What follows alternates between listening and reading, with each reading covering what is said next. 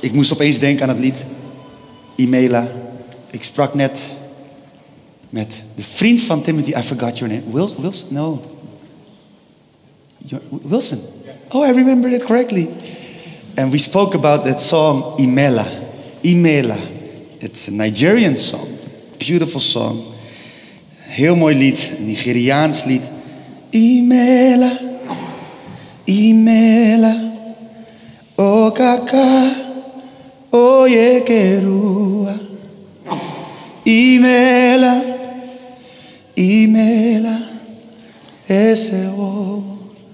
Doe, hoe vaak zingt een Aziatische jongen in Nederland nou een Nigeriaans lied? toch? Dit is toch niet iets wat elke dag gebeurt? Maar ik vertelde Wilson, we waren in Londen voor een concert van een bevriende voorganger van ons. Die had een opname daar.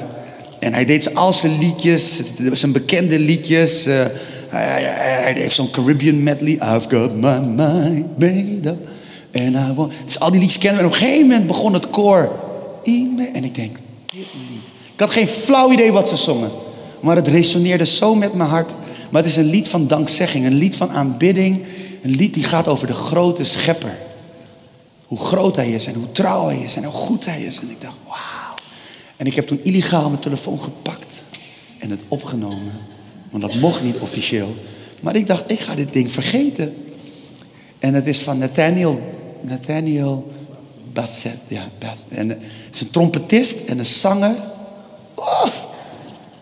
En het grappige is, op een gegeven moment was het op een van de lievelingsliedjes van mijn moeder. Dat is nog leuker. Zo'n oudere Aziatische vrouw. Die opeens Nigeriaanse muziek luistert. Dit is, maar dat is het mooie van de kerk. Het gebeurt alleen in de kerk. Dat culturen samenkomen en de naam van Jezus groot maken. En dat we samen God ontmoeten. Dat is zo mooi. Oké jongens, we zijn bijna aan het einde van onze reis door de bergreden. Bijna aan het eind. We zitten in hoofdstuk 7. We zijn in, volgens mij in juli begonnen. Juli, augustus. En we zijn alles hebben doorgeploegd, doorgespit. En nu komt een tekst waarvan, dit is zeg maar zo'n moment waarvan je wist dat die zou komen. Maar dit is een lastige tekst, vind ik. Als ik heel eerlijk ben. En toch gaan we het erover hebben, want het staat in de bergreden. En als het in de bergreden staat, aan het einde van de preek der preken in de Bijbel, dan moet het belangrijk zijn. En dat is Matthäus 7, vers 13 en 14.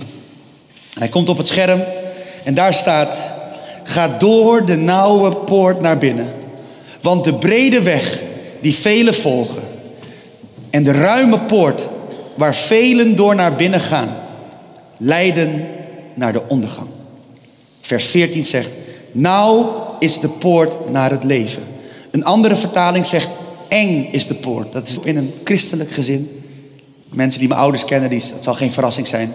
Ik, ik vertelde aan Wilson, ik heb een leuk gekles met Wilson, maar Wilson, zijn vader is voorganger. En ik zei: Oh, wat leuk, mijn vader was ouderling. Herken je dat, dat je altijd naar de kerk moest? Hij zei: Ja, zeker. Geen optie op zondag sporten? Nee, zeker niet. En toen zei hij, vond ik zo leuk, ja, en in de kerk, je leert elk instrument spelen. Ik zeg, ja, dat klopt. Weet je wel, van piano, zingen, drummen, gitaar. Als er iets nodig was, dan leer je dat. Maar mijn moeders beste vriendin had een tekening op haar muur. En vroeger was dat ding heel erg in bij christenen. Dat was die tekening van, ik denk, hij is op het scherm, hoop ik. Komt hij nu? Daar. Deze, wie, wie kent deze tekening? Ik heb trauma's gehad naar aanleiding van deze tekening. En iedere keer wanneer ik Matthäus 13 en 7, vers 13 en 14 lees, dan denk ik weer aan deze tekening. En dan denk ik, wat een verschrikking. Kijk hier, ik ga je laten zien. Ik ga aan deze kant staan. Als het goed gaat het dan goed. Kijk hier. Nou is de poort eng. Dat ding is klein. Is klein. Hoe ga je dat ding vinden? Als je daar zit, zie je hem niet eens door het drumstel. Zo klein is het. Hier. Hier is helemaal niks. Alleen daarboven. Die hele weg is saai. En dan kom je aan deze kant. Staat hier. Dood en verdoemenis. Groot welkom. Hier is het theater. Ik denk, oh jee, ik ben in de problemen. Ik hou van theater. Ik zie mensen eten. denk ik, oh joh. Dus ik dacht, dit is mijn associatie met die tekst. En als ik heel eerlijk ben, tot, tot dit stuk, tot hier, want hier gaan mensen elkaar doodmaken. Tot hier vind ik deze weg best leuk. Ik zou best wel hier een brug willen hebben of zo. Maar ja, goed. Dus ik dacht, hoe dan, Heer? U heeft het gezegd, dus het is waar. En toen moest ik denken aan een tekst die we drie maanden geleden ook voorbij zagen komen in onze reis. Waar Jezus zegt, ik ben de weg, de waarheid en het leven. Als, als die weg smal is, als die poort nauw is, dan is het nog steeds Jezus die die weg is. En ik zei het net, die tekening is voor mij helemaal niet zo uitnodigend. Maar als ik Jezus leer kennen, dan denk ik, hij is best wel uitnodigend. Dus toen ging ik erover nadenken, wat bedoelt Jezus dan met die woorden uit Matthäus 7? Want ja, er is een brede weg en er is een smalle weg. Maar wat als die weg niet per se te maken heeft met wat je doet, maar vooral waarom je het doet? Snap je wat ik bedoel? Want we, we hebben die weg proberen in te kleuren met dingen die je doet, wat je doet. Maar volgens mij gaat het bij God veel meer over waarom je iets doet. Wat leeft er in je hart? Wat, wat leeft er in je hart? Want als Jezus de weg is waarop wij wandelen, dan kan het toch niet zo zijn dat die weg zo benauwend en zo saai is. Ik bedoel, als ik hier vraag aan mensen, wie zegt dat het leven met Jezus saai is? Dan hoop ik dat er niet heel veel handen omhoog gaan. Maar als ik zeg, wie zegt dat het leven met Jezus interessant is, spannend, chaotisch en soms een ramp, maar toch leuk? Dit is geen benauwende weg. Is geen De Jezus die ik zie vanuit de wet en de profeten is er een die herstel brengt. Is er een die redding brengt die mensen thuis brengt. Als je het Oude Testament bestudeert en je leest over Jezus, dan zie je een Jezus die komt als Messias. Die komt om de mensen thuis te brengen. Die, we hebben het erover gehad met tijdens Brave, de, het volk in ballingschap. Dat Jezus is gekomen om mensen uit ballingschap thuis te brengen. Als ik kijk naar de Jezus vanuit de evangelie, dan zie ik er één die houdt van mensen. Die mensen ziet, die meeloopt met mensen, zelfs wanneer mensen weggaan. Dat is dus niet zo'n smalle, dramatische, saaie weg. Dat is een weg vol leven. Dat is een weg die houdt van mensen. Die mensen vasthoudt. En als mensen dreigen weg te gaan, dan buigt die weg zelfs mee om ze maar weer thuis te brengen. Geloof je me niet? We hebben het vaak gehad over de Emmausgangers. Die gingen weg uit Jeruzalem. Die gingen weg uit de plek waar ze moesten blijven, omdat ze alles wilden vergeten. En wie ging er mee? Petrus? Nee. Die was bezig. Die was bezig met zijn eigen dingen. Johannes, Johannes zelfs ook niet. Het was niet eens een van de vrouwen. Nee, Jezus zelf ging mee met die twee die wegliepen uit de stad. Dat is de Jezus die ik zie uit de evangelie. En als ik kijk naar de Jezus die ik in mijn eigen leven heb mogen leren kennen, is er één die onvoorwaardelijk lief heeft. Is het er één die zichzelf heeft gegeven voor mensen die hem niet willen volgen? En dan denk ik allereerst aan mezelf. Is het Jezus die zegt, ik hou van jou? Is het de Jezus wiens genade genoeg is voor iedere dag? Nee, die weg is niet benauwend. Ik geloof met heel mijn hart dat die weg juist bevrijdend is. Dus wat is dan die smalle weg? Want hij is er wel. Ik denk, en dat wil ik gewoon als een gedachte bij jullie droppen, doe ermee wat je wilt. Zou het zomaar zo kunnen zijn dat de smalle weg lastig is, omdat er bij Jezus geen plek is voor egoïsme? Zou het zomaar zo kunnen zijn dat die smalle weg lastig is, omdat er geen plek is voor het egocentrisme? Dat we bij Hem niet alleen voor onszelf leven, maar voor God en de ander. Kan het zomaar zo zijn dat die smalle weg lastig is, omdat die smalle weg het belang van God en anderen voorop wil stellen? Waar het dus niet gaat om ik en wat ik nodig heb en wat ik wil en hoe ik me moet voelen. Maar dat het erom gaat van hoe kan ik bijdragen aan deze maatschappij? Hoe kan ik bijdragen aan iets van Gods koninkrijk hier op aarde? Kan het zomaar zo zijn dat dat vaak genoeg botst met onszelf? En als ik heel eerlijk ben, is mijn antwoord daarop ja. Want ik zeg wel heel leuk hier heel vaak dat we allemaal leuke dingen willen doen. En dat we mensen willen helpen. En dat wil ik echt. Op momenten wanneer ik heel erg met Jezus bezig ben. Maar er zijn genoeg momenten dat ik denk van ik heb er helemaal geen zin in. Als we straks deze kerk openzetten door de week. Ik zie er naar uit, lijkt me geweldig. Die lange tafels, lijkt me geweldig. Aan de andere kant denk ik ook van, my goodness, dan komen allemaal mensen die ik niet ken en met ze praten. Ik hou niet van praten met mensen, echt niet. Wat dat betreft heeft God echt de verkeerde voorganger uitgekozen. Ik vind het niet leuk. Als ik je ken, kan ik uren met je praten. Als ik je niet ken, vind ik het lastig. Waarom? Ik hou niet van koetjes en kalfjes. Ik hou niet van, oh mooi weer hè? Ja, het is mooi weer. Ik hou er niet van. Ik hou niet van, oh het heeft geregend. Ja, het heeft geregend. Ik kan daar niks mee. Sommige mensen kunnen het heel goed. Ik niet. Dus ik vind het niet leuk als ik heel eerlijk ben. En toch kijk ik er naar uit. Waarom? Omdat ik geloof dat deze stad de liefde van Jezus nodig heeft. Omdat ik geloof dat deze stad het nodig heeft dat de kerken hun deuren openzetten en zeggen: Kom maar gewoon. Ook al vinden we het niet leuk, ook al vinden we het oncomfortabel, ook al is het niet prettig. Ik hoorde laatst iemand zeggen: Ik denk, dit is het mooiste compliment van alles. Die zei: We zitten nu op een plek waar je niet zomaar je tas onbeheerd kan achterlaten. Ik denk, ja, dat is het. Het, het is toch fout als de kerk zo veilig is dat je tas gewoon overal kan neerleggen. Het, want dan zijn er alleen maar bekeerde mensen.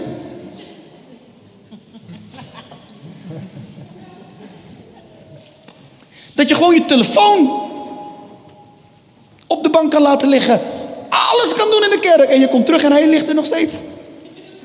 Ik kan je één ding verzekeren. Wanneer we de deuren opengooien en je doet dat, dan heb je iemand gezegend met een nieuwe telefoon. Maar dat is wel de kerk die we mogen zijn. Is het leuk? Waarschijnlijk niet altijd. En soms, want we vinden het heel fijn om ons vaste clubje te hebben. Stiekem, ik wel in ieder geval. Maar Jezus is niet van het vaste kleine clubje. Jezus is van kom maar, iedereen. Ook al hoor je niet bij het clubje. Ik hou toch van je. Kom erbij. Onvoorwaardelijk, liefhebben. Ook al ga je nooit in mij geloven. Ik hou nog steeds van je. Ik ben er voor je. Die Jezus wil ik navolgen. Wil ik achteraan gaan. En dat vraagt wat van mij. En daarom is die weg dus niet comfortabel voor mij. En zo heeft iedereen waarschijnlijk wat. Misschien ben jij super sociaal. En dan heb jij andere issues met Jezus. Dat is prima. Iedereen heeft zijn issues met Jezus. Want Jezus is perfect en wij niet. Dus als je met hem gaat relaten, dan ga je vanzelf zien van, oh ja, en dat is dus die smalle weg voor mij. Het heeft dus niks te maken met dat ik het leuk vind om naar de bioscoop. Ik groeide op in een kerk waar ik dacht, als ik naar de bioscoop ga en Jezus komt terug, blijf ik achter. Echt waar. Kermis was niet oké, want er waren demonen op de kermis. Efteling moest je niet eens over beginnen. Efteling was de hel. Dus je ging incognito naar Efteling. En toen dacht ik, oh, de hel is nog best wel leuk. Nee, grapje. Fout. Maar jullie snappen wat ik bedoel. Zo groeide ik op. Want dat plaatje, plezier, was slecht.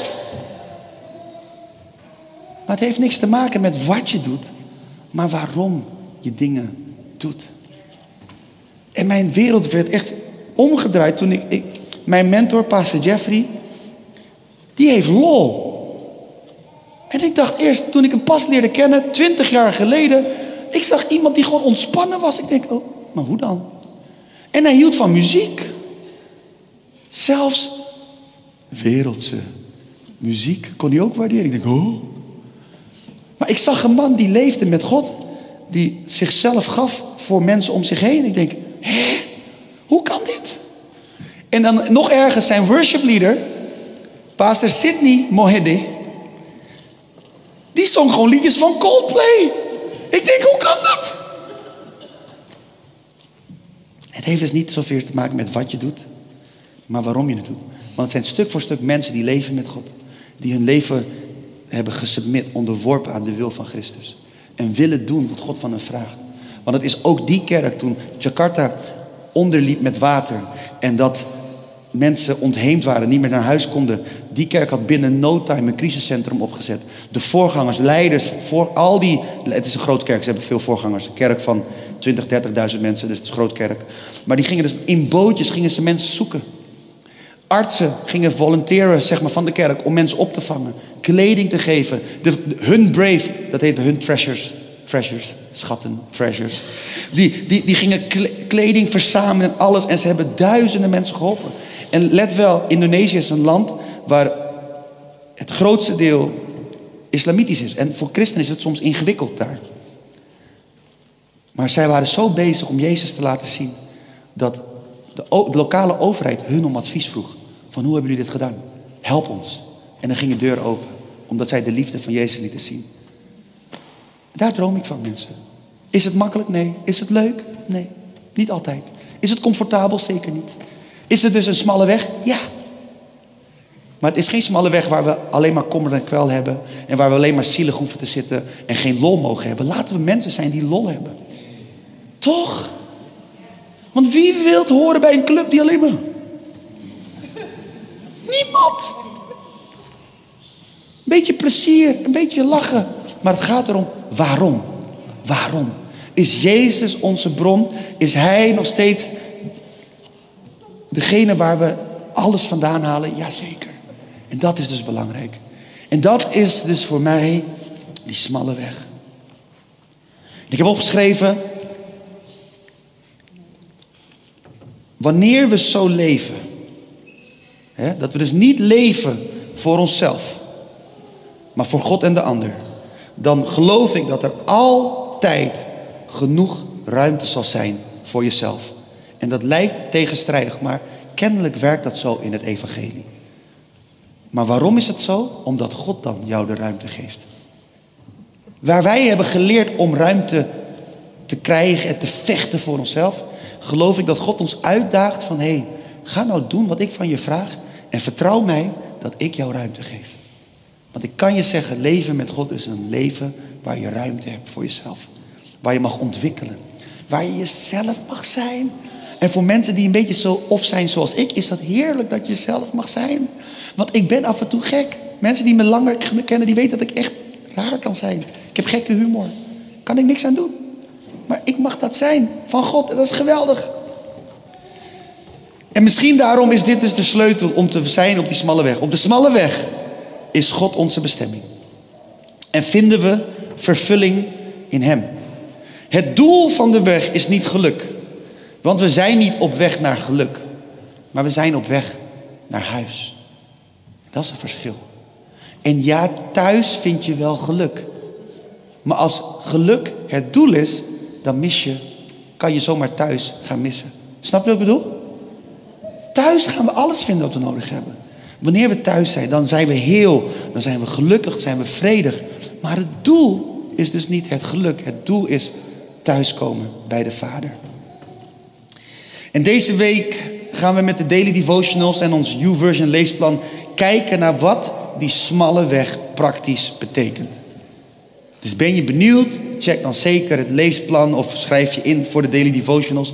Twee weken lang was het een beetje stil rondom Daily Devotionals. Het was een beetje druk met kerk en alles. Maar vanaf volgende week, als het goed is, is hij dan weer op YouVersion en in de Daily Devotionals. Hoe je het praktisch kan gaan doen. Maar voor nu wil ik bidden voor de mensen die willen kiezen. Kiezen om niet langer alleen te leven voor je eigen geluk.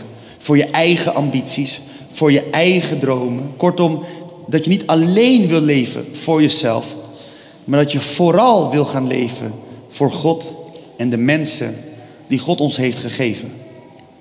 In de wetenschap en het vertrouwen dat God voor ons zorgt. Wanneer wij Zijn prioriteiten onze prioriteit maken, dan zullen we ontdekken dat wij stiekem ook Zijn prioriteit zijn. Dus daar wil ik voor bidden.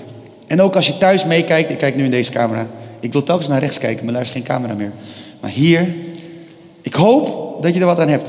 En dat het je prikkelt, dat het je uitdaagt. En ja, het is niet altijd makkelijk, niet altijd eenvoudig. Ik kom steeds dichterbij. Het is spannend voor de mensen thuis. Dus, maar weet je. Nee, Even serieus. Ik, uh, Ik wil met je bidden. Ik wil met ons bidden. Want het is ook mijn gebed. Want ik vind het ook confronterend. Het is voor mij ook lastig. Ik heb ontdekt, met Jezus is er altijd wel weer iets te schaven. Er is altijd een volgende stap. We zijn er nooit. Laat de christen niet zeggen, ik heb het uitgevogeld, ik ben er. Laat die snel zwijgen. Want we zijn er nog niet. We zijn onderweg. Maar laten we onderweg zijn met elkaar op die smalle weg. En ik ga je één ding beloven. Je gaat ontdekken dat die smalle weg breder is dan je zelf denkt.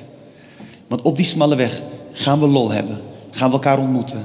Gaan we dansen, gaan we zingen, gaan we huilen, gaan we lachen. Die smalle weg, daar, daar gebeurt het leven. En voor de mensen die net als ik van theater houden en van muziek. Ook op die smalle weg zijn er theaters. En ook op die smalle weg is er lekker eten. Halleluja. Hou van eten. Dus uh, ik wil met je bidden. Vader, we komen zo voor uw troon. In de wetenschap dat u de God bent die van ons houdt, die voor ons zorgt en die met ons is. Heer, en als we hebben gehoord over die smalle weg, die smalle weg die, waar het niet zozeer draait om wat we doen, maar waarom we dingen doen. Die smalle weg waar het niet zozeer draait over de dingen die we laten, maar dat het juist gaat om de dingen die we voor u en uit u mogen beleven. Heer, dan bid ik, Heer, dat u ons helpt op die weg. Die weg die u zelf ook bent. Die, die weg van acceptatie, die weg van liefde. Die weg van hoop. Die weg van verbinding.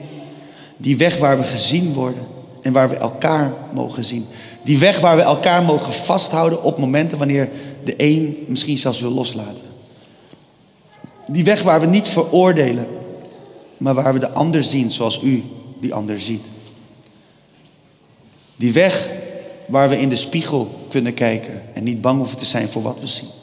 Omdat we uw genade mogen zien. En omdat uw genade is die ons bedekt, omgeeft en ons vasthoudt. Heer Jezus, ik dank u wel dat ik zo met mijn broers en zussen voor uw troon mag komen.